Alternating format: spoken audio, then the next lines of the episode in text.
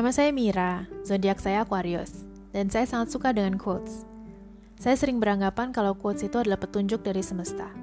Saat sedang galau atau banyak pertanyaan di dalam kepala, entah bagaimana saya sering menemukan jawabannya dalam quotes. Dan seringnya, quote-quote itu memiliki pesan yang saling berkaitan, seolah-olah memberi konfirmasi kepada saya. Dalam podcast ini, saya akan bercerita tentang pengalaman hidup saya dan orang-orang di sekitar saya yang dirangkum dalam quotes. Quote favorit saya dikutip dari Lewis Carroll, penulis Alice in Wonderland. Bunyinya seperti ini. In the end, we only regret the chances we didn't take, the relationships we were afraid to have, and the decisions we waited too long to make.